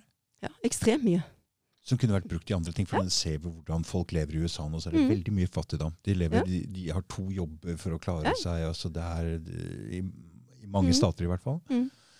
Det er sikkert noen som gjør det bra også, men eh, det er jo et stort land. Men det er mye fattigdom der. Mm. Og det, begynner, det, er også det er en eh, demonstrasjon 19.2 i USA. Jeg håper den blir stor. Ja. Eh, hvor folk nettopp har det som budskap. Bruk pengene eller her, bruk pengene ikke på våpen. Mm. Altså rent, rent sånn, liksom, De har liksom innsett at eh, vi vil ikke støtte opp om disse krigene. De har sagt oppløs Nato. De vil ikke mm. ha Nato, for de ser, altså, de, vil ikke ha en sånn krigsallianse. De, eh, det er, er, en større bevegelse i USA. Det er en mer bevisstgjort bevegelse i USA. Mm. Og den er faktisk både på venstre- og høyresida. Og som man sier, man alltid stempler med å ja, men venstre skal aldri samarbeide med noen på høyresida. Sånn. Det er bare bullshit. Ja. Alle gode hjerter og hjerner skal mm. samarbeide. Om det mm. fins gode hjerter og hjerner på en høyreside, mm. så skal vi selvfølgelig si ja takk og gå sammen i en demonstrasjon hvis det er for et godt formål. Mm. Ja, det, det er sant. For det, Ja, som nei, det sa der deg er her jeg helt med. Og skal- eh, det gjelder også at hvis det skulle komme et fredsparti Nå sier jeg ikke at jeg har ikke noe eh, Jeg har ikke startet et arbeid, eller men hvis, det skulle, hvis vi skulle kunne starte det i Norge, hvis vi begynner å starte et så er det klart at de alle gode krefter må komme til. Om de så hadde kommet fra Frp eller fra, fra eh, KrF eller Arbeiderpartiet, eller hvor de enn er misfornøyde fra, eller hvor de enn har hørt fem, eller stemt før. Nå pokker heller, hvis folk faktisk vil at vi skal bli et fredelig land, og vil at vi skal ha en ny vei. Mm. Norge skal bli en fredsnasjon igjen, og det er viktig nok for dem. At de er redde for framtida, for barna sine og barnebarna. Ja vel. Da er det ikke sånn at du skal stemple panna for at du er konservativ i andre saker. Hvis det er viktig nok, OK, Mm. bli med oss. Mm. Så kan vi være uenige på noen saker, men så lenge du klarer å prioritere og se at dette er fagarten, men det viktigste. For det er det for meg. Mm. Jeg kan kompromisse på alt mulig annet, faktisk. Mm. Men dette her er liksom det, det mest avgjørende. Og rasisme. Jeg mener også det der eh, sånn herrefolkmentalitet og det å se ned på alle, enten du er pga. hudfarge eller religion. Sånn der er og der. Ikke sant? Det er den type yttergrense. Jeg kan ikke være imperialist, jeg kan ikke være rasist. Mm. Den type, det er, Der går det for meg. Mm. Men det fins masse gode krefter på høyresida som ikke er der, ikke sant? og som Mm. ikke har uh, Fordi det politiske landskapet har forandra Mm. seg litt. Ja, det har det. Det er kanskje slutt på å si høyre og venstre kanskje ses på på en litt annen måte, for det er andre ting å bry seg om. Altså, for å si det sånn, Når det gjelder dette, som jeg sier, fredsspørsmål, antikrigsspørsmål Mm. Før var det jo til og med deler av venstre, partiet Venstre. Nå hører du Guri Melby i dag som sånn fremste krigshisser i Norge omtrent. ikke sant? Ja. Men du hadde an, helt andre stemmer i det norske samfunnet før. Sånn at Det har seilt av gårde i forhold til å være en sånn aggressiv eh, nasjon, som vi har blitt i de siste særlig 30 åra etter liksom Sovjetunionen ble oppløst. Eller 1991, det er regner jeg litt feil. Men ja, ikke sant? Vi har eh, ja, noen og 30 år siden. Men da Eh, var det USA som Ja. drev med kriger hele tida. Da Mm. var jo folk mot USA. mm. Så hvordan Ja. kan de samme Nei, folka nå nå er det Nå er det Det er rett og slett Det er skjedd Altså, det, det, har, det har vært en glidning som har skjedd, og, og si, nå er det noe som har glidd på bananskallet også, så nå har det glidd veldig langt av gårde. mm. Som gjør at du ikke står igjen med noen partier som står opp mot det. Mm. Sant? Mm. Og det er en veldig skummel situasjon, fordi at du da, når det er så få, så blir det også vanskelig å starte noe, fordi at det, det blir sett på som veldig skummelt å være i det terrenget, hvor du snakker om fred og snakker om en annen vei. Det er så Det er så likt den covid-situasjonen for meg. Ja. Det ser helt likt ut For når de kom på førsten. På førsten under covid så var det ikke mulig å si noen ting. Det var ikke lov å si at det ligna på influensa engang. Da ble det høyt hua. Det Ja. forandra seg litt i løpet av de to åra som det varte, men så plutselig så hoppa de rett til den krigen. Og da kom det samme media eh, Samme ensidige. Det var ikke lov å si noen ting. Det er blitt litt mer eh, Det har kommet noen stemmer eh, både her og der som har fått lov å si noen ting. Men det er fremdeles ganske harde. Og du, du sitter jo midt i det. Og jeg Mm. leser jo Mm. litt på Facebook-sida di, Mm. og du Mm. Det må være tungt å sitte sånn og Mm. krangle og diskutere og sånn hele tida med mennesker. Mm. Fordi du får mye sinne mot deg. Jeg har fått ganske mange aggressive meldinger og, ja. og sånn også på privaten, holdt jeg på å si, som Ja. er ganske Men det, det er jo på en måte Det er bare akkurat som forventa. Ja. Jeg kan ikke si at det var uventa, det, Men du må vel ha støtte noen steder òg? Ja, altså Alle må ha støtte, hvis ikke det Ja. nytter ikke å stå helt aleine. Nei, det, det nytter ikke å stå eh, helt alene. Men jeg, jeg har tro på at det faktisk eh, Og jeg ser jo også det. Det er ikke at jeg er aleine på det. Det er jo på nettet også. Du ser jo, det er jo flere som er ja. mm. ute og markerer annerledes syn. Mm. men det er ikke noe organisert bevegelse. Det er derfor jeg er litt opptatt av at jeg tror at det partiet vil være viktig for å oppleve at du er, du er brødre og søstre. som står så, altså, du står litt skulder ved skulder og har litt ryggdekning. Mm. Går du ut sånn, så er det noen som klapper deg på skuldra. Det er ikke bare sånn tilfeldig et eller annet like på nettet, eller et eller annet, eh, en eller annen som skriver 'hurra, så bra'. Nei, det er en del gode folk som skriver inn på ja, sida men di. de og- er ikke, det er ikke på en måte, ting er ikke organisert, og det gjør Nei. at du blir ganske hjelpeløs opp mot disse ekstremt, som jeg snakker om, de hegemoniene som er i partiet, mot det er store apparater Mm. med medierådgiver. De har masse ressurser, ikke sant? Mm. Millioner på millioner ressurser. Mm. Eh, er det 15 millioner bare Rødt får i statsstøtte? ikke sant? De får man mangfoldige. Mm. De kan ansette masse folk. Mm. Eh, de ressursene får man ikke hvis man starter et nytt parti. Da er det på frivillig basis. Det er på liksom folk sin Så hva som er mulig å gjøre Mm. i dette landet, det vet jeg ikke. Det er ikke sikkert det er mulig å starte et nytt parti, men det er viktig å prøve å samle noen folk nå. Ja, På et eller annet vis å Mm, stå ja, litt helt sammen. Det har jeg skjønt. Mm. Det, jeg skal jo ha Mhm. seks-syv stykker her nå på Ja. onsdag, og jeg tenkte egentlig vi skulle bare ut og spise. tenkte jeg, Det går Ja. ikke med så mye rare, forskjellige vinklinger på dette her. Men jeg ser jo det er mye Mhm. av de samme grunnverdiene. Ja. Og det er derfor jeg ville at du skulle ringe Susanne òg. Mm. når du nevnte noen ting, så, så ser jeg ja, men det er jo Mm. mye av de samme grunnverdiene som Mm. er hos alle sammen. Så det må være mulig å få samla dem. Det må være en eh, ting som er å jobbe med framover, tenker jeg. Å prøve å samarbeide med de som Og der er jo mange som har tatt kontakt med meg òg. Ja. Og sier at vi trenger et nytt parti. Det er jo ikke bare liksom at jeg har liksom kommet på det. er jo mange som tok kontakt med meg før jeg tenkte den ideen. Mm. Så at det er jo absolutt det. Mm. Fordi de har sett at Rødt har sviktet dette år, for det har vært så stille som huset stille. og de har ikke snakka. Hvis de har sagt noe, så har det vært helt sånn, bare sånn aggressivt mot Russland og Putin. Og, Vi har jo den eh, Facebook-gruppa som heter Vi Mm. som vil bevare Klassekampen, eller hva heter den der? eh, ja, noe sånt. Ja, Ja. et, eller annet, et eller annet i den duren. Ja. Der er det jo en del folk som har vært i Rødt før, og som er sånn, og som er litt kritiske. Jeg følger ikke så veldig jeg må innom, jeg følger ikke så veldig nøye med. Da, Nei, men, eh, der er det ganske skal prøve- interessant debattmiljø. Altså debattklima. Ja, -hmm. Så der er det jo en del interessante folk også. Jeg har jo sittet og prata på telefonen med folk fra Rødt som Mm. eh, er oppe i, bor oppe i Nord-Norge. Og de er jo absolutt for at det skal være ytringsfrihet. Skrev et langt innlegg inn i på Facebook her hvor Mm. Kjempebra skrevet. Mm. Så, så det er jo men, Det er masse gode krefter i Rødt. Det er ikke det. Det er ikke de enkeltmedlemmene i Rødt. mm, Og, og, men det er helt klart at hvis Rødt, for, hvis Rødt fortsetter å føre den samme retorikken i offentligheten, og at eh, nei til våpen betyr i praksis allikevel ja til våpen og sånn, så håper jeg flere andre tenker på det samme. At eh, for pokker heller, vi trenger noe nytt. Vi trenger faktisk ikke, og vi kan ikke fortsette å understøtte dette her. Det, det går ikke. Og det samme i SV, som nå har snart har landsmøte. Hvis det er sånn at de går inn for å skrote kampen mot eh, eh, Nato, altså si at Norge ikke skal jobbe eller ikke skal jobbe for Norge ut av Nato lenger, hvis SV går inn for det, så er det klart at det er mange der som skal de fortsette å være med i det partiet eller ikke? Er det så viktig å holde seg inne med vennene sine? Altså være, er, bare, er man der bare for det sosiale og kameratskapet, eller er man der for politikk? Vil man utrette noe politisk, vil man faktisk Mener man faktisk noe med det, så må man sette hardt mot hardt. Hvor går smertegrensa hen?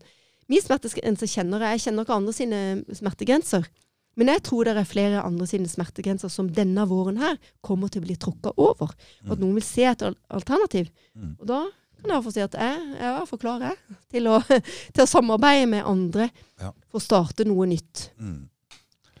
Ja, Det, det er Mm. spennende. Det er veldig spennende.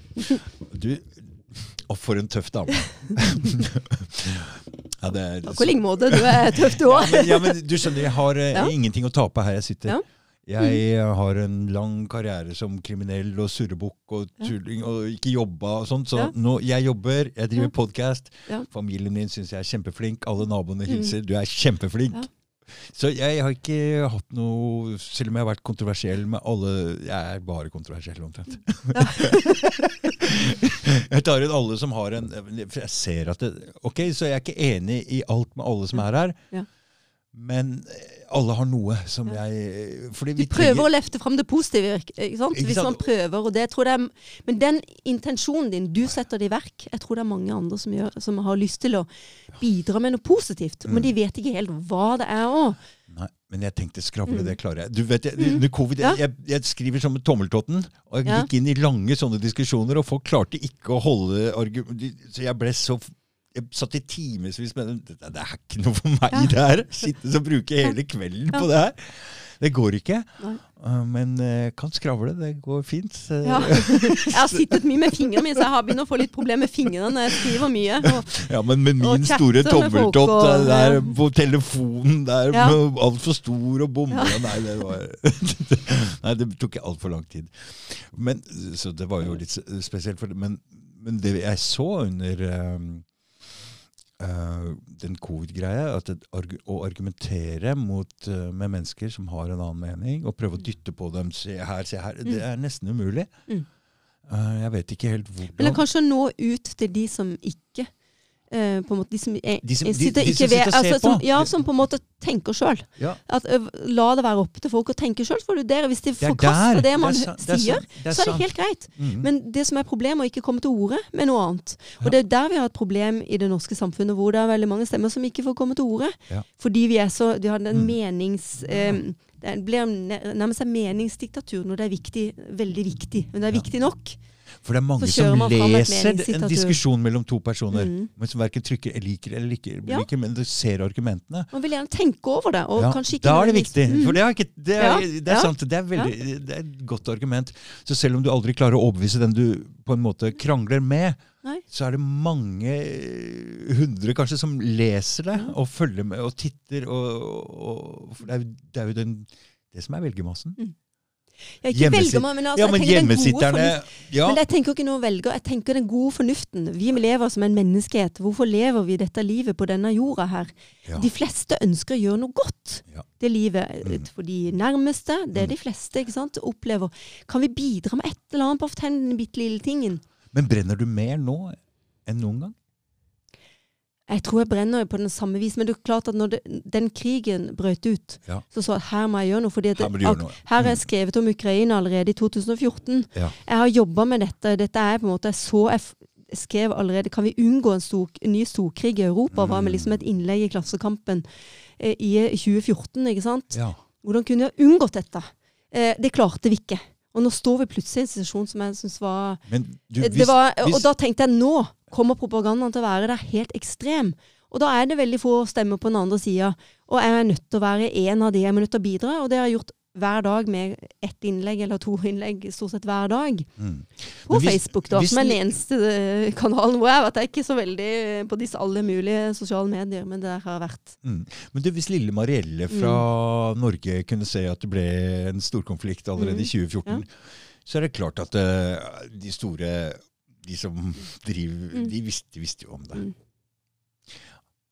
Så det var jo tydelig at Det er mange eh, som ikke ville unngå denne krigen, med andre ord. Det er mange sant. som ikke gjorde Ikke det de kunne. mm. Det var jo en, et avtaleforslag fra Russlands side på bordet. De ba liksom de vestlige lederne komme sammen. Mm. Se her, eh, vi har en avtaletekst, kan vi diskutere disse punktene her? Mm. Eh, og blant de punktene var det bl.a.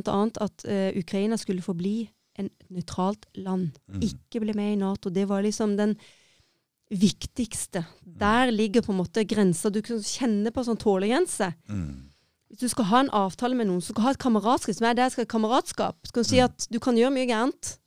Jeg kan være uenig med det, vi kan være uenige, vi kan liksom et eller annet. Men det går en grense. Mm. Til slutt så må du kutte forbindelsen. Mm. Til, kutt, til slutt så sier du nok er nok. Mm. Og det er faktisk at hvis ikke kan bli enige om akkurat det Og for Russland var det da at det var nøytralt land. Vær så snill, ikke gå inn og si at eh, Ukraina skal bli en del av Nato. Der går grensa for oss. Hit, men ikke lenger.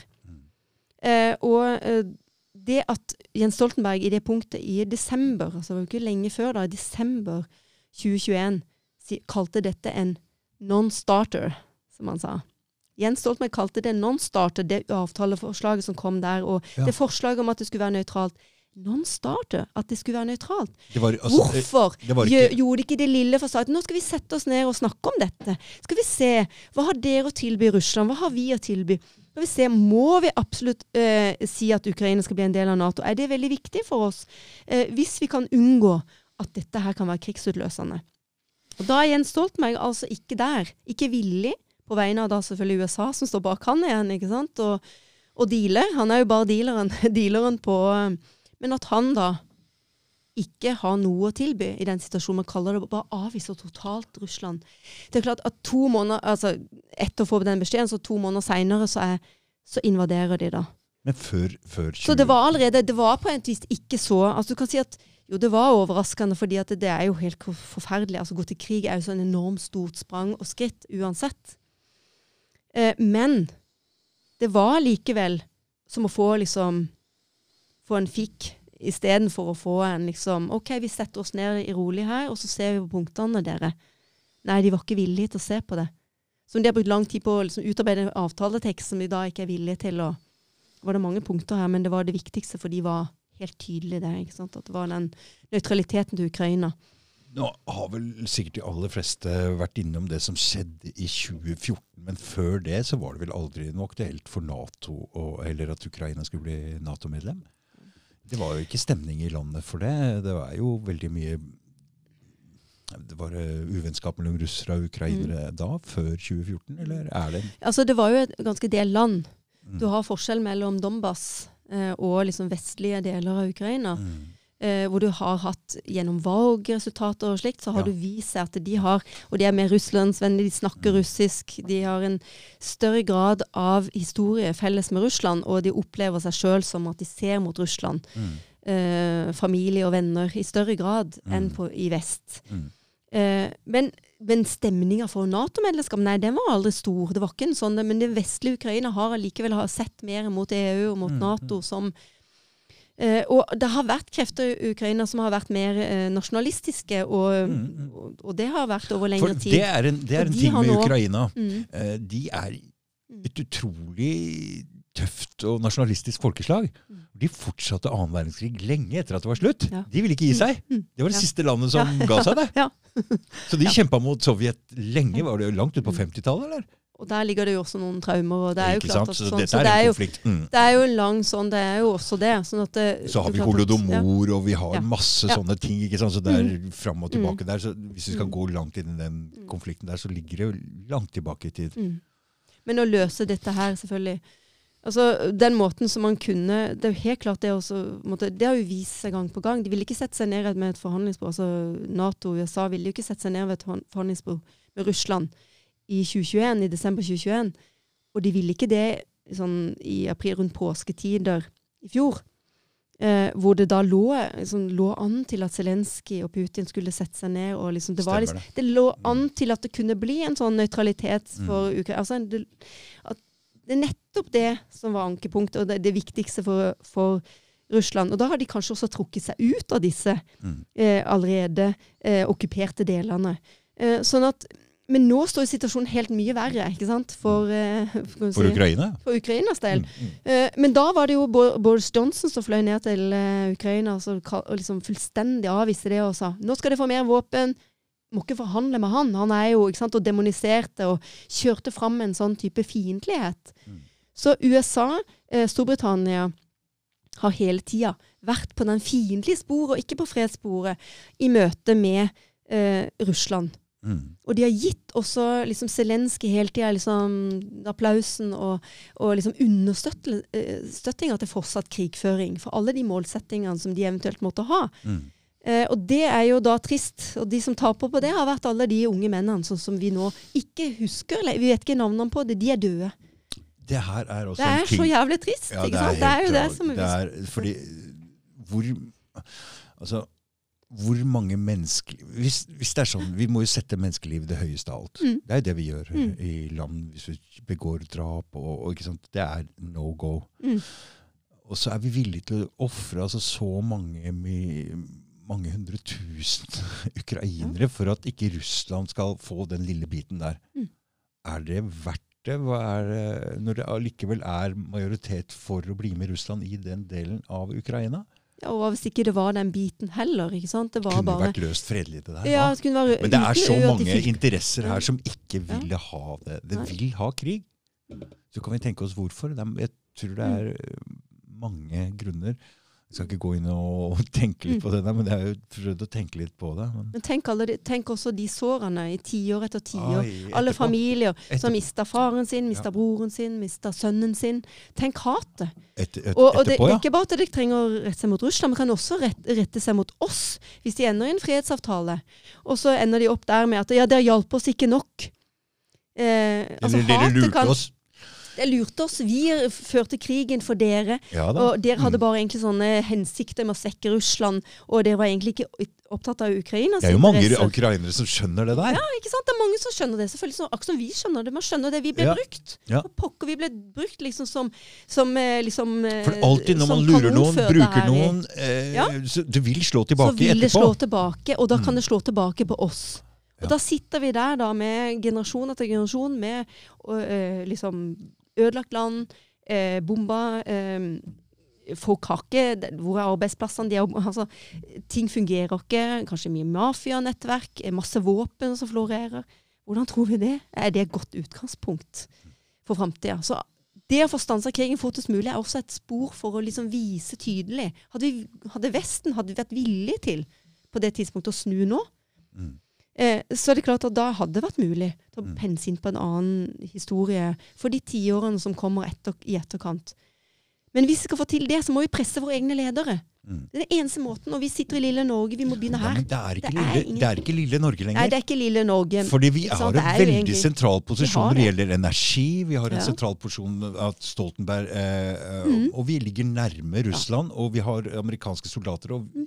ifølge han Mør så var vi jaggu meg med å Ja. og, og, og ødelegge den Nord Stream Mm. 2 også. Og da eh, er det såpass uh, alvorlig og er såpass mye med at uh, det er viktig at vi gjør noe her i Norge. Des, uten at jeg har tenkt litt på det før, er Norge viktig?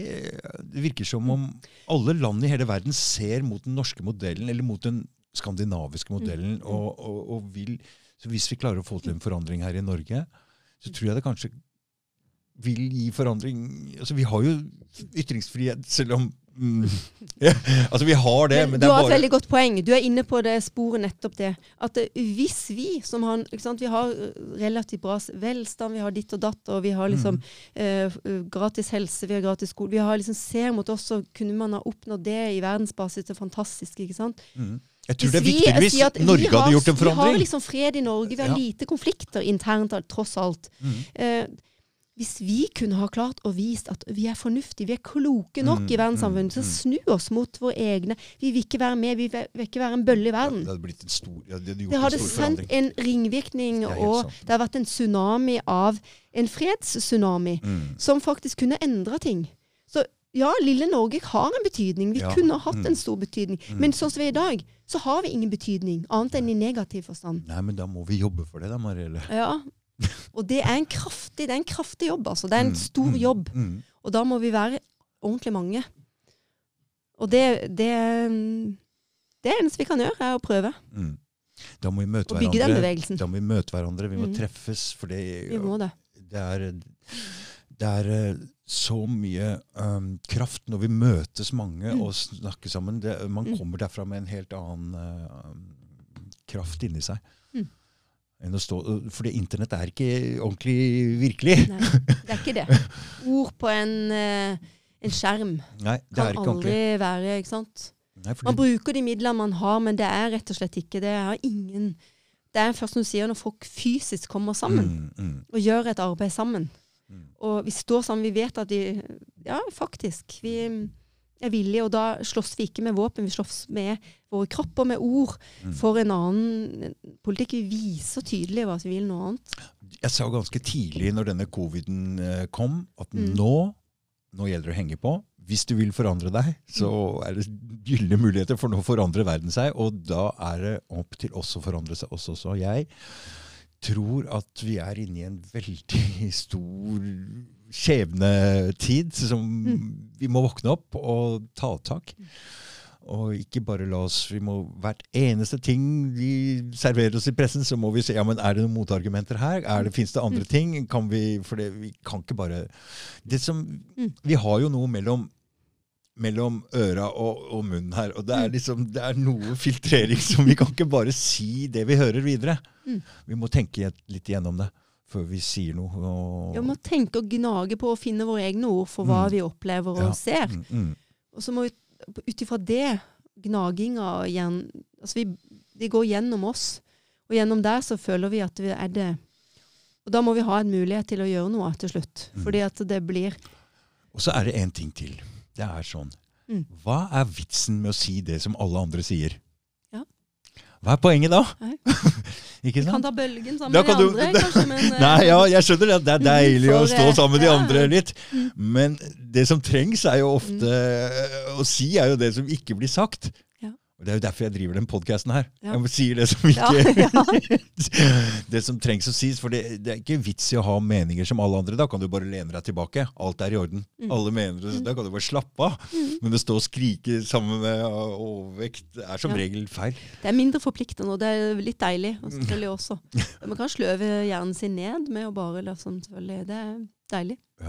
Men det er bra å ha en eh, Mhm. misjon, en brann, en kraft inni seg for å komme fram med noe. En, Ja. Noe å leve for, eller Og jeg tror det egentlig gjelder de aller fleste. mm. Men jeg tror at i dag så er det veldig mange som er blitt forblinda Mm. av å gå og trampe i takt også. At det, det er også mye frykt, redsel for å skille seg veldig ut Mm. fra det som er um, Vi har det litt for godt, vel, kanskje? For, Og så har vi det også, ja. Det kan også være for godt at hvorfor skal vi gidde å gjøre noe annet enn liksom bare pleie oss selv og våre jeg, Det er nok med å ta vare på oss selv og våre nærmeste. Mm. Uh, og det, det er jo ekstremt viktig med for å kunne ta vare på våre nærmeste nå. Så står vi i en situasjon hvor vi faktisk står i fare for ny atomkrig, i verste fall. Og da er det å bremse opp hvor, der vi kan gjøre noe, altså vår egen blokk, Mm. ekstremt viktig. Og da nytter det ikke å tenke at det, og det viktigste er nå å bruke all tida vår på våre nærmeste. Nødvendigvis. Altså, jeg har jo to små barn. Mm. Og jeg har nok, eh, må nok si ærlig at jeg har brukt litt, kanskje no, litt for lite tid på de i det siste. Mm. Så de er nok litt eh, Ja, de må betale litt av den prisen for det. Mm. At ikke jeg har, bruker så mye tid på de som jeg ellers ville ha gjort. Ja, for det, du kom rett fra møtet nå, rett på podkast her. Ja. og Det er noe hele tiden med deg nå. Ja. Sånn var det ikke før.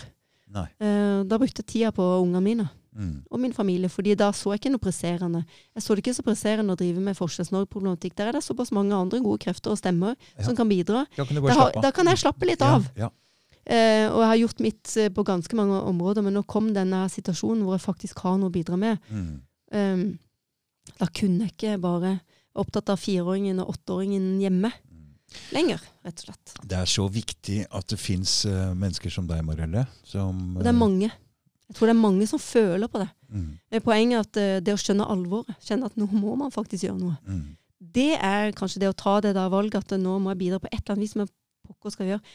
Og i det punktet så ser jeg nesten ikke noen annen vei nå enn å begynne å forsøke å organisere et parti. Mm. For vi er nødt til å ha så skulder ved skulder, vi må nødt til å støtte hverandre, vi er nødt til å utgjøre en kraft sammen. Vi Mm. kan ikke på en måte bare la det være opp til en alene stå ute. Det er liksom litt sånn i kulda som man blir stående opp mot, da. Mm. Mm. Eller ta det valget. Men at det, det valget vil si å bruke bare noen få timer hver, men at ikke noen skal måtte nødt til å ofre hele livet sitt og fritida si for innsats. Men vi kan dele litt mer på Mm.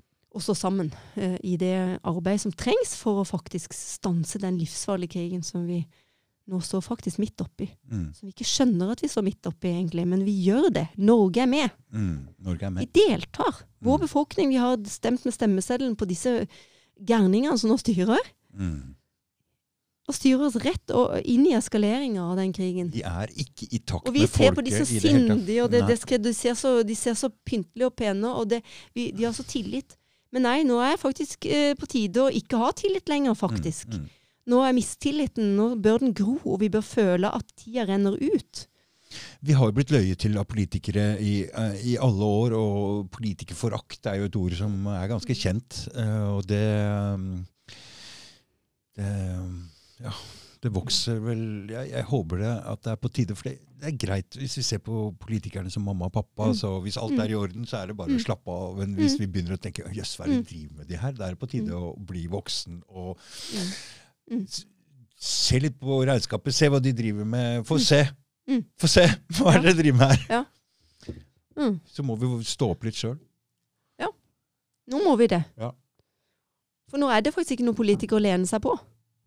Nei. Der er ingen. Sånn at, og, hvis vi ikke har noen i front vi kan lene oss på, nei, men da må vi kanskje sjøl utgjøre den fronten. Og da, vi, da trenger vi være mange som står sammen i den. Vi har jo se, det tydeligste vi kan Mm. se, er at uh, halvparten av befolkninga i hvert fall er imot EU. Mm. Mens nesten Mm. alle politikerne på Stortinget er for. Ja. Det betyr at de representerer ikke befolkninga på en måte. Mm. Og Det er en veldig viktig, uh, viktig del, for det her får vi tredd ned lover Mm. hele tida som vi ikke Mm. har noen Mm. Noe, vi har ikke noe, og jo lengre, altså Vi kan se bare på en liten bedrift. eller sånn, Jo lengre unna gulvet ledelsen sitter, så jo mer tungvint blir det hele. Mm. Og Hvis vi skal sitte og bestemme alle lover og regler fra Brussel og tre dem nedover huet på alle i hele Europa, som er, Mm. Mm. det er forskjellig, Mm. så blir det Ja. Det er ikke noe jeg setter Nei, stor pris nei. på. Jeg, eh, Men det du gjør her er veldig viktig, enn er nettopp opplysningsarbeid. Er veldig viktig. Å få fram eh, egentlig det at eh, å få folk til å tenke sjøl. Mm. Eh, det at du bidrar til å gi folk muligheten til å oh. tenke i andres spor. Jo, Ja, men det er faktisk ja, det. ja, ja. Det er en kjempeviktig jobb, for det er nettopp det som er målet. Politikken er ikke målet i seg sjøl.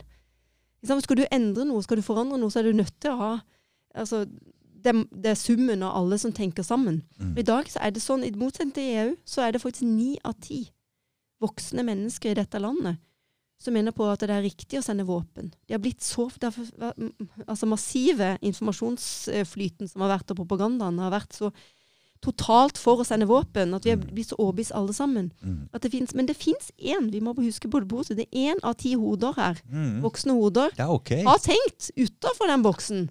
Det er Og klart å gjøre seg opp sin egen mening før vi har denne podkasten, til og med. Så kanskje Mm. etter denne podkasten så er vi kanskje Kanskje har vi økt til uh, Jeg vet, ikke, jeg vet ikke det, for det, snakker ja, jo, men, veldig mye jo, men det er det man må tenke hele tida. Mm, ja. Om, om det er tre hoder til, Ja. om det er fire hoder til som begynner å tenke i en annen retning, ja, men da har man faktisk gjort noe. Mm. Og det er ikke så veldig lett å, få folk, å møte folk på gata. Det er ikke noe torg lenger. og det er ikke noe, Du har Facebook, men der Mm. sitter vi stort sett. og Mm. det er en helt annen Nei, vi kjenner ikke folk. Vi Mm. ser et profilbilde. Vi har ikke noe forhold. Mm.